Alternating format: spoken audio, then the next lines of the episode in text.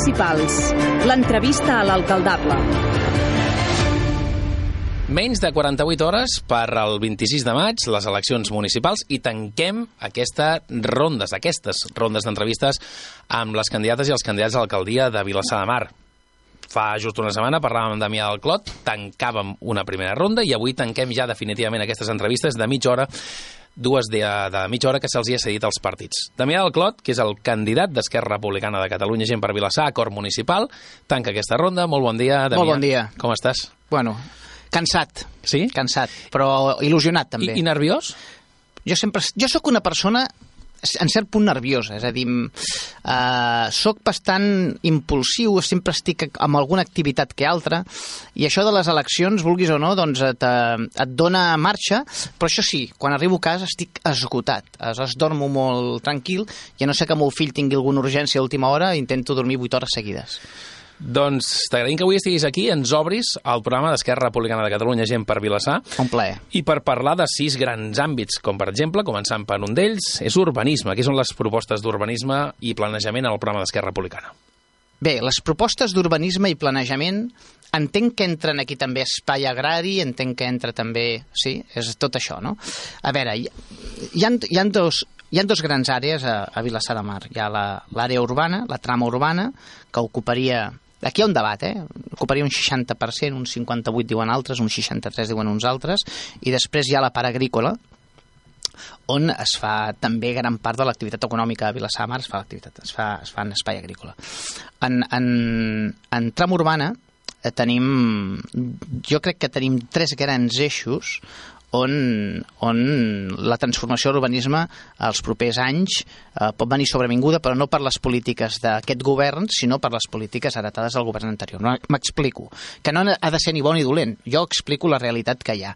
Una realitat que patirà tard o d'hora un creixement eh, en forma de vivenda, i molta de la vivenda serà vivenda pública, és l'àrea de, de, de Can Vives. L'àrea de Can Vives és una àrea cridada a créixer els propers anys i, per tant, això és, significarà un impacte sobretot pel barri del Barato, però en general eh, per tot el que és el eh, Vilassar de Mar. No? Es, es podrà dir que serà per la franja dalt la, la franja que unirà eh, la trama urbana amb, la, amb el que és el polígon industrial dels Garrofers, d'acord? Allà aniran quatre blocs de pisos, de, molts dels quals serà vivenda d'UBPO. El, la segona, la segona àrea que pot patir una transformació urbana també en els propers anys, no dic que hagi de ser la propera legislatura, però sí en els propers anys, és el solar que hi ha allà de Correus, eh, molt a prop del pavelló Paco Martín. Dic perquè és un solar privat on eh, hi ha una empresa interessada en desenvolupar un projecte eh, i que ja va estar en negociacions amb l'Ajuntament de Vilassar de Mar per veure quines sessions feia, sobretot en matèria de pisos de protecció oficial. Aquesta seria la segona àrea. I la tercera tercera àrea probablement hauria de ser l'àrea de la xinesca, però sobretot l'àrea de les Pinedes, en la mesura que hi ha encara uns solars que queden per, per, per desenvolupar, que ja s'estan construint i que això ens podria portar a créixer entre 1.000 i 1.500 habitants. Aquesta és una realitat que hi ha, que no s'ha desenvolupat durant aquests mm, últims quatre anys per qüestions, diguem-ne, de supramunicipals, jo diria, de, de, de, de, de qüestions que tenen a veure amb la conjuntura econòmica, però que sí que és veritat que els propers anys poden eclosionar i poden, i poden, i poden ser una realitat. I després hi ha la realitat agrícola. La realitat agrícola, i en això eh, el meu company, el regidor d'Urbanisme, va estar treballant molt a fons en el tema aquest, és hem intentat fer una fotografia de la, dels usos econòmics, dels usos espai agrari que hi ha en, la, a, en, el, en el, la trama, diguem-ne, agrícola Vilassamar. No? Per què? Perquè tenim una ordenança municipal que és absolutament restrictiva dels, de, de l'activitat econòmica que genera en aquesta trama. Què hem de fer nosaltres? Hem d'intentar que a l'espai agrari es pugui fer molta més activitat que la que es fa ara. Hem de regular aquesta activitat, hem de ser capaços de regular-la per no només legalitzar-la, no només que sigui una trama controlada i que sigui una trama que generi també ingressos a l'Ajuntament de Vilassamar, sinó perquè sigui una trama que, des del punt de vista de l'impacte geogràfic, tingui un impacte millor que el que té ara. D'acord? Això ens permetria entrar en el que és eh, arreglar els carrers que hi ha en, tota, en totes aquestes trames, ens permetria entrar a regular els vials, les amplades, és a dir, seria molt més, seria una qüestió que ens ajudaria a transitar més per Vilassar de Mar. No? Jo crec que aquestes, aquestes són realitats que es faran són realitats que es portaran a terme en aquesta propera legislatura, però crec que ja és una, és una, una, qüestió, ah, és una qüestió que, que jo crec que serà important. Hi han dos elements més, que és el pla de mobilitat, que ja s'ha treballat, el va treballar també el meu company, el regidor de mobilitat, que és el regidor d'urbanisme, el va treballar molt la legislatura passada, i que és un pla que regula els, a, a molts anys vista, uns quants anys vista, tot el que és la trama mobilitat del poble. No? És un pla que té molt consens, és un pla que es va treballar molt a fons amb altres partits polítics, sobretot amb, amb gent per Vilassar, amb els quals ara anem en coalició, també amb Vavor, també amb el PSC i també amb Podem. Eh? Va ser un pla que va tenir gran majoria d'acceptació, es va aprovar pel plenari i que desenvolupa polítiques de mobilitat, també d'accessibilitat, o és un, és un pla, bueno, és un pla complementari, però és un pla que també té a veure. És a dir, nosaltres en matèria d'accessibilitat durant aquests quatre anys hem treballat molt hem treballat moltíssim. Hem fet que els carrers de Vilassar de Mar siguin molt més accessibles. Hem, hem treballat sobre el carrer Sant Ramon, hem treballat sobre el carrer Sant Magí, sobre el carrer Sant Llorenç, sobre el carrer de Cuba, sobre el carrer Sant Francesc, sobre el carrer d'en Roig, sobre el carrer Sant Antoni. Hem fet eh, polítiques de mobilitat i hem fet circuits de mobilitat per, per gent de Vilassar de Mar que tenia problemes perquè anaven caia rodes o perquè tenia dificultats de mobilitat. No? També hem adequat tot el que és la franja la franja dels, dels, del carrer Eduard Ferrés per fer-la més transitable en bicicleta i voldríem també treballar amb circuits de bicicleta que unissin sobretot els punts neuràgics del poble, que serien les escoles amb els equipaments municipals i fer un circuit perquè es pogués anar en bicicleta. Ens agradaria també, i el regidor, el meu company, també va treballar molt a fons en el tema, que és unir eh, Vilassar de Mar en Premià de Mar per la senda marítima, que nosaltres li diem senda marítima, però igual no està ben dit, eh? però nosaltres li diem senda marítima, que es mantengui, que és eh, unir, ara que tenim el port de Premià, que està començant a créixer i a créixer bé, eh, i que hi ha gent de Vilassar de Mar que hi vol anar-hi, doncs poder transitar de lo que és Vilassar de Mar en direcció a Barcelona per la franja marítima. Això és una cosa que hem, vam estar treballant molt, vam necessitar permisos de moltes eh, administracions supramunicipals de l'estat espanyol, el Departament de Costes, el Departament de, de Medi Ambient, el Departament d'Obres Públiques, vam també necessitar a Adif Renfe que ens fes un informe, vam necessitar també que el Departament de Medi Ambient i Territori de la Generalitat ens fes un informe, doncs quan teníem tot això, tot això, tot això, tot això, ens faltava un informe i esperem tenir-lo en breu i començar ja les obres perquè el pressupost hi ha una dotació important, el pressupost que es va aprovar el 2019 hi ha una dotació important per poder portar a terme aquesta obra que hauria d'estar començada, fins i tot hauria d'estar acabada, però per circumstàncies que escapen a la nostra eh, responsabilitat i a la nostra voluntat no hem pogut executar-la. Podem m'he enrotllat una mica amb el tema aquest, però és un tema que és bastant complex, és un tema que abarca, ja et dic, abarca trama urbana, abarca trama eh, eh, agrícola, però també abarca franja marítima, i és un tema que ens ha portat molt, eh, ens hem esforçat molt per poder portar-ho a terme, hem fet molts carrers, hem fet també obra pública que nosaltres la diem obra pública invisible, que és, eh, els últims 20 anys s'havia fet només una claveguera en tot Vilassar Mar una claveguera en els últims 20 anys. Nosaltres hem fet, malgrat no tenir recursos econòmics, n'hem fet eh, 8 de clavegueres.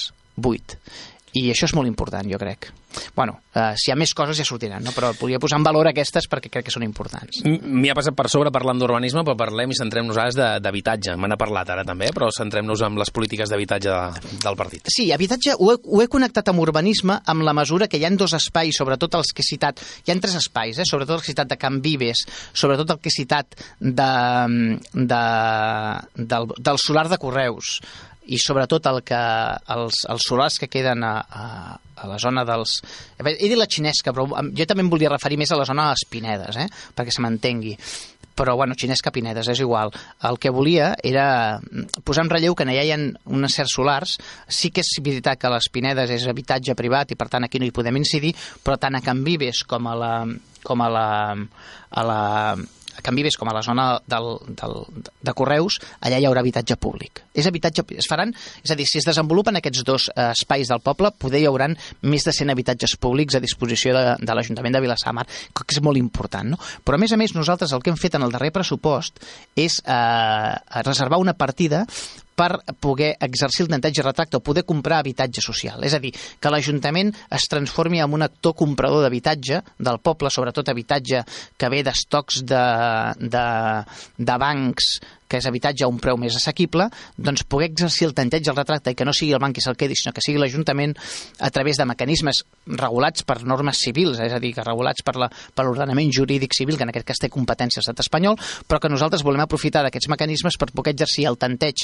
en primera instància o el retracte en segona instància per poder nosaltres adquirir habitatge públic, per poder-ho posar a disposició de serveis socials i habitatge que ens serveixi per, per, pels nostres joves i les nostres joves. També, eh, en matèria d'habitatge, vam prendre una decisió que va ser que vam eh, aprovar una moratòria eh, eh, en, en el moment de donar llicències a pisos turístics. Per què ho vam fer-ho? Va haver-hi una, va haver-hi una llau de demanda de pisos turístics just en el moment en què el preu del lloguer de, de l'habitatge a Vilassar de Mar va incrementar substancialment. No? Uh, jo mateix vaig ser una víctima. Jo vivia en un pis de, de, de lloguer i vaig haver de marxar a un pis de propietat perquè el lloguer se'm multiplicava pràcticament un 50% del que pagava. Vull dir que era, era una bogeria. No?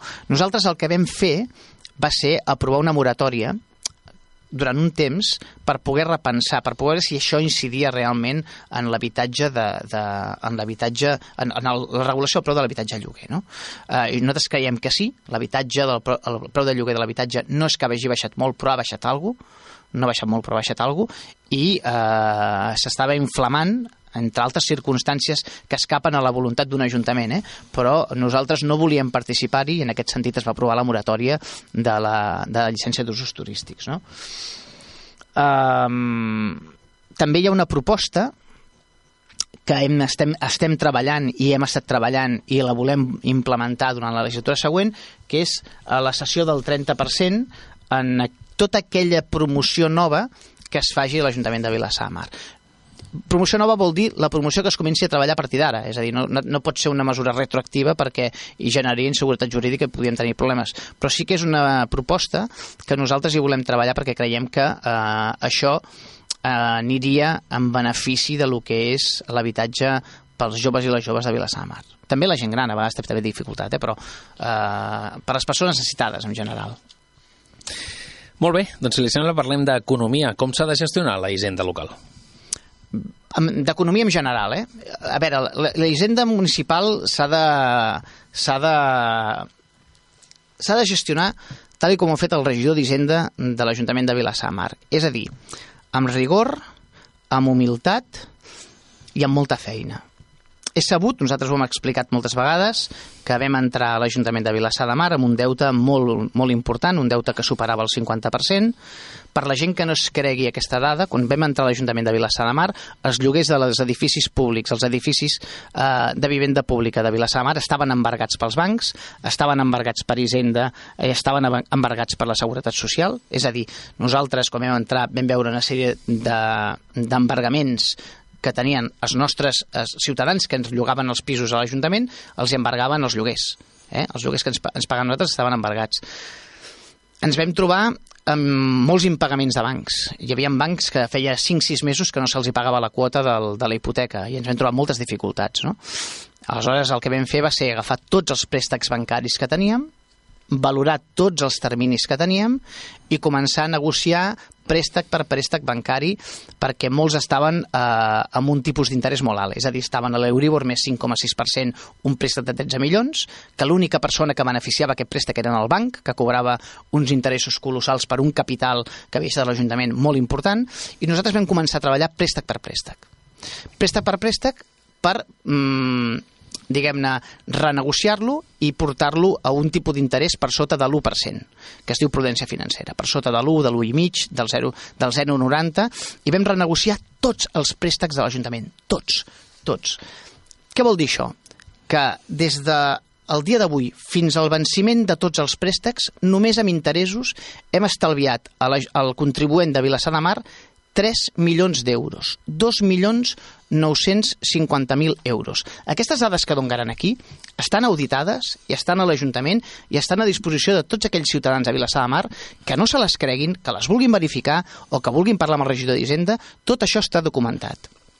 Però, a més a més, tot això ho hem fet complint una promesa electoral que en el moment que la vam fer ens va resultar que era agosarada, però que després ens ha costat molt complir-la, però l'hem complert.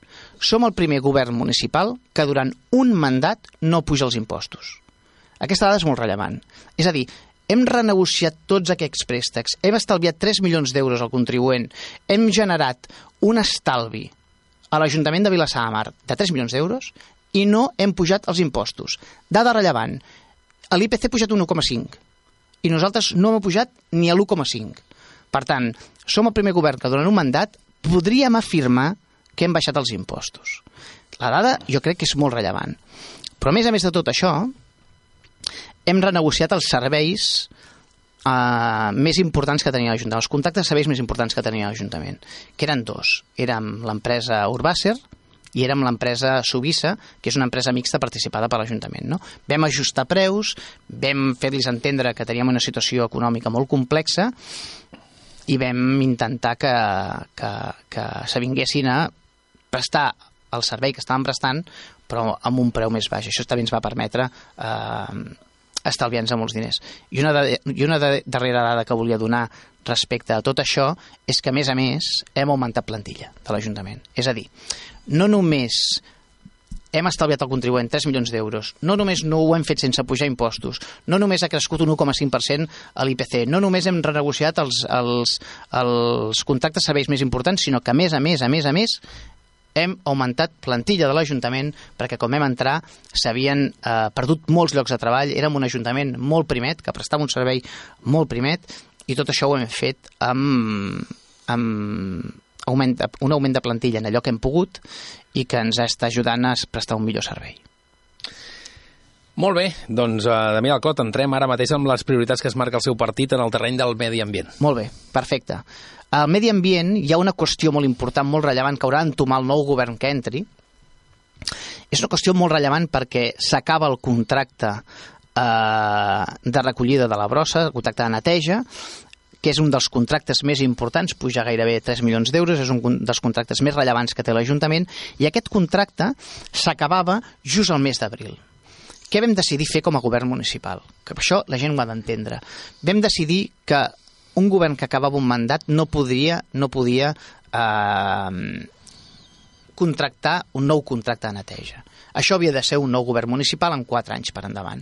Nosaltres vam establir tots els mecanismes legals necessaris per poder prorrogar sis mesos aquest contracte i que fos el nou govern ja amb el plec de condicions tècniques i administratives el més, el més avançat possible qui pogués negociar o pogués, pogués diguem-ne, licitar aquest contracte. Jo crec que això és molt important eh, el fet que acabés el contracte just al final de la legislatura, el fet que fos el contracte més rellevant de l'Ajuntament, el més complex des del punt de vista tècnic, el més important des del punt de vista administratiu, reclamava i jo ho penso així, que fos el nou govern sortit de les eleccions el 26 de maig el que eh, pogués eh, treballar aquest contracte. Penso que el medi ambient és una cosa que reclama, com el tema del civisme que comentava la, la setmana anterior, reclama sobretot molta pedagogia, reclama sobretot molta consciència que el medi ambient és una cosa que s'ha treballat des de l'Ajuntament però també s'ha de treballar des de les persones, cada un en el seu àmbit, ha de poder treballar el medi ambient i s'ha de fer moltes campanyes de prevenció, moltes campanyes pedagògiques, moltes campanyes que expliquin que el medi ambient és una tasca col·lectiva, que no és una tasca només de l'Ajuntament, no? i que necessitem entre tots fer pedagogia de que el, de que el territori és de tots, i de que tots tenim una certa responsabilitat i que l'Ajuntament evidentment té la seva i per això un dels contractes més importants, no el contracte més important de tots, té a veure amb el medi ambient.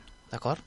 No sé si m'he explicat massa, si cas després, eh, si hi ha alguna cosa que em ve si al cap... alguna eh, cosa més respecte explico, al medi ambient, doncs eh, endavant, eh? Endavant, sí, sí, sí. Si no, doncs passem a l'altre gran tema, a l'agrat àmbit eh, de governació. Parlem de la policia local. Quines són les propostes en matèria de seguretat? Jo crec que aquí el meu company, el regidor de Governació, ha fet una tasca magnífica, ajudat per un col·lectiu que, que jo crec que és un dels col·lectius més ben vistos a Vilassar de Mar, que és la policia local.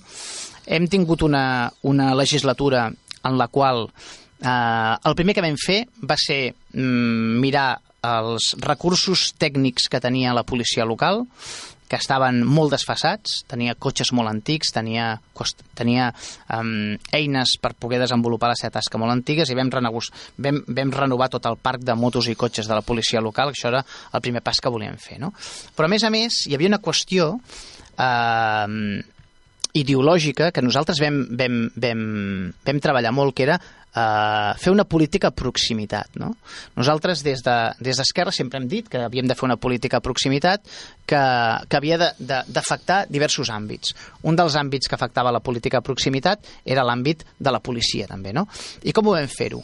Tornant a crear la figura del policia de barri, el policia de, de, de que treballa a, a l'entrada i a la sortida de les escoles, la policia de proximitat, que ja s'havia fet, eh? aquí no innovàvem, però sí que s'havia fet i s'havia tret, i per tant nosaltres volíem recuperar aquesta figura perquè creiem que el govern anterior ho havia fet bé en aquest sentit. Nosaltres volíem la figura d'un policia arrelat a l'escola, arrelat al barri, arrelat que és conegut, que parla amb la gent, que eh, fa pedagogia, que fa... A nosaltres ens agrada aquesta figura, però a més a més aquesta figura havia de venir acompanyada de eh, l'accessibilitat dels ciutadans que tenen la desgràcia de patit un delicte, un furt, un robatori, un, una, una estirada, una estrabada, un insult, una amenaça, el que fos, no haver d'anar al polígon els garrofers a posar la denúncia, perquè quedava massa lluny.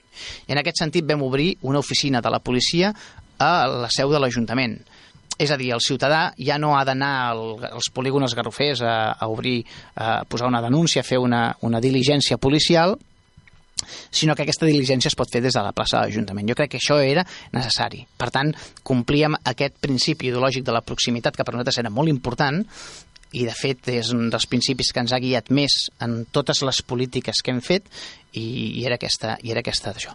També relacionat amb el, amb, el, amb, el, amb el principi de proximitat també està una, AP, una PP que vam obrir pels comerços, perquè els comerços que tenien eh, dificultats o que tenien, havien patit un furt o que veien que hi havia una persona sospitosa eh, al voltant del seu comerç, etc etc, no haguessin d'anar no haguessin de trucar, sinó que hi havia una app que apretant un botó, doncs el policia es posava en contacte amb ells i per tant era una cosa. Aquesta app també la volem, també volem que sigui una app ciutadana, perquè ha tingut cert èxit quan s'ha fet s'ha utilitzat ha estat ben acollida pel comerç quan s'ha utilitzat i volem que sigui una app molt més transversal, per tant, eh, el, el, el servei de la ciutadania i en això han estat treballant els últims sis mesos. També hi havia una altra qüestió, que és l'augment de plantilla de la policia. Hem augmentat la plantilla de policia eh, de, de, de 21-22 agents més dos agents de temporada d'estiu més tres agents cívics. És a dir, hem fet un augment important de la, de la, de la, de la policia. Què vam fer nosaltres en matèria de, de governació?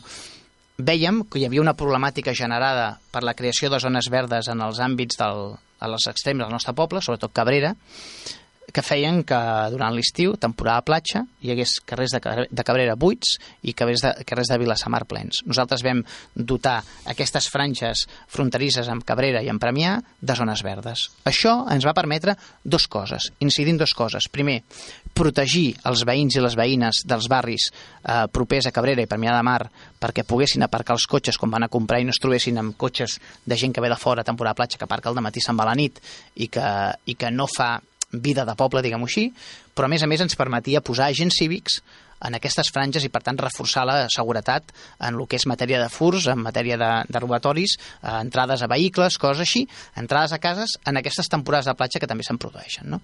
Per tant, mm, amb, amb, amb la implementació d'una política que té a veure amb la mobilitat, augmentàvem la, la, la plantilla de la policia i augmentàvem presència policial al municipi. No? Jo crec que això també era, també era una qüestió molt important de governació. No? Jo penso que, que, que la complexitat que ens hem trobat aquesta legislatura en matèria de governació l'hem passat amb nota.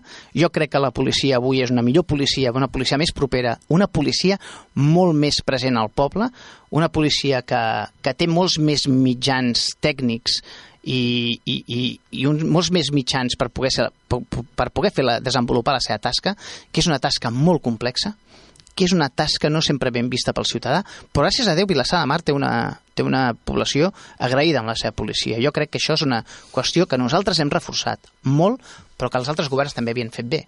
I crec que eh, quan hi han qüestions que tenen a veure amb polítiques sensibles pel poble, mmm, com per exemple la política econòmica que nosaltres no compartim i la critiquem, també hem de, ser, de saber ser agraïts i també hem de saber reconèixer la tasca feta per altres governs amb altres matèries com l'educació, com l'ensenyament o com la seguretat ciutadana o com la governació. No? En aquest sentit, el regidor ha estat un regidor que ha reforçat molt el paper de la policia perquè hi ha cregut amb la policia a Vilassamar, però era una policia que en el desenvolupament de la seva tasca diària eh, creiem que estava a un nivell molt alt i per tant volíem millorar el que ja s'estava fent bé, no? Doncs tanquem aquesta entrevista parlant de participació.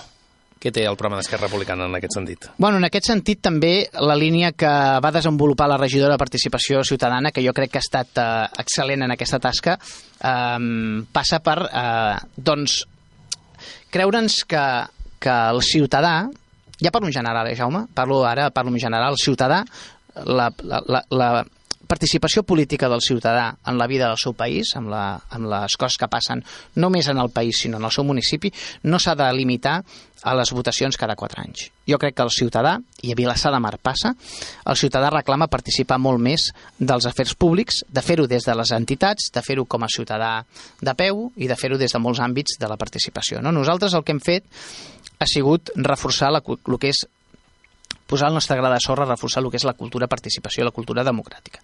Creiem que l'estat espanyol, per les circumstàncies que tothom sap, per 40 anys de franquisme, per els anys de guerra civil, per com eh, va construir el sistema democràtic eh, d'ençà de l'aprovació de la Constitució del 78, és un país que té greus dèficits de cultura democràtica té greus dèficits. I aquests dèficits te'ls trobes en certes converses amb veïns, te'ls trobes amb les opinions que tenen els veïns i te'ls trobes, diguem-ne, amb, amb el que és el dia a dia del, el dia a dia del, del, del, del municipi. No? Nosaltres creiem que determinades qüestions que tenien a veure amb punts forts de la política municipal havia de ser participada pels veïns. I posaré dos exemples. Els pressupostos participatius. Tothom volia fer pressupostos participatius, però ha tingut que ser un govern d'Esquerra Republicana gent per Vilassamar qui faci els primers pressupostos participatius de la història de Vilassamar. Com ho ha fet? Pues amb una part dels recursos propis ha engegat un procés de participació des de la regidoria de participació ciutadana que ha derivat en què han estat els ciutadans els que a través de la, de la de la formulació de propostes hagin escollit on van a parar aquests diners. No? D'aquesta manera es crea una cultura política de saber que una obra pública reclama d'un projecte, reclama d'una licitació, reclama d'una adjudicació i reclama d'una execució. Per tant, la, la vida d'una política pública no comença i acaba en la proposta, sinó que comença i acaba quan la proposta té èxit i s'acaba desenvolupant i s'acaba executant. I després una altra qüestió, que és la qüestió dels noms. Nosaltres vam ser un govern que vam esforçar perquè hi hagués, eh, hi hagués um, s'expulsés de la via pública el, el nomenclàtor franquista, el, els, el, les plaques franquistes, i, però que volíem que fos la pròpia ciutadania el que escollís els noms dels carrers, els noms a les places, i que, i que tingués el seu parer. No? I en aquest sentit ha sigut la primera vegada a la història de Vilassamar que s'han retirat els, els monuments franquistes, les, el nomenclàtor franquista, però a més a més ha sigut la primera vegada en la història de Vilassamar que els seus ciutadans han escollit el nom dels carrers. No? Jo penso que això és aprofundir en la cultura democràtica, aprofundir en la participació ciutadana, que són valors republicans, que són valors cívics i que són valors que d'alguna manera ens identifiquen com a govern. No? Damià Clos i Trias, Uh, com a tots els candidats i candidates, moltíssima sort en aquestes eleccions que estan a, a punt d'arribar menys de 48 hores ja. Moltíssima sort, com a tothom. Moltes gràcies. La necessitarem. I, necessitarem. I acabem amb un joc, si m'ho permet. Vinga, Estem endavant. fora de, de, de endavant. temps, però acabem amb un joc. Endavant. A les meves mans tinc... Aquestes entrevistes cal dir que són enregistrades. Per tant, ells no ho han sapigut fins ara mateix perquè no han pogut escoltar les altres entrevistes. D'acord. Tinc a les meves mans un paper que posa composició Ajuntament de Vilassar de Mar, mandat comprès des de 2009 fins a 2023 i els vuit partits que concorren. Vilassar de Mar per la República, Partit Popular, Podemos, Partit dels Socialistes de Catalunya, Ciutadans, Vavor, Junts per Vilassar i Esquerra Republicana de Catalunya, gent per Vilassar, Cor Municipal. D'acord. Li faré entrega d'aquest paper Sí. junt amb un sobre D'acord. sense ensenyar-me'l. Vostè tanca aquest sobre, me'l signa i el dia 26, a partir de les 8, quan comencem el programa electoral, veurem la porra dels candidats. Li ha Ah. de fer porres? És una porra, sí. Bueno, no n'encerto cap, però sí, sí. Doncs a veure si té punteria. Home, i Aquí tant, té. i tant. A veure què tal. Gràcies. Moltíssimes gràcies Que vagi a molt vosaltres. bé. Una abraçada. Eleccions municipals. L'entrevista a l'alcaldable.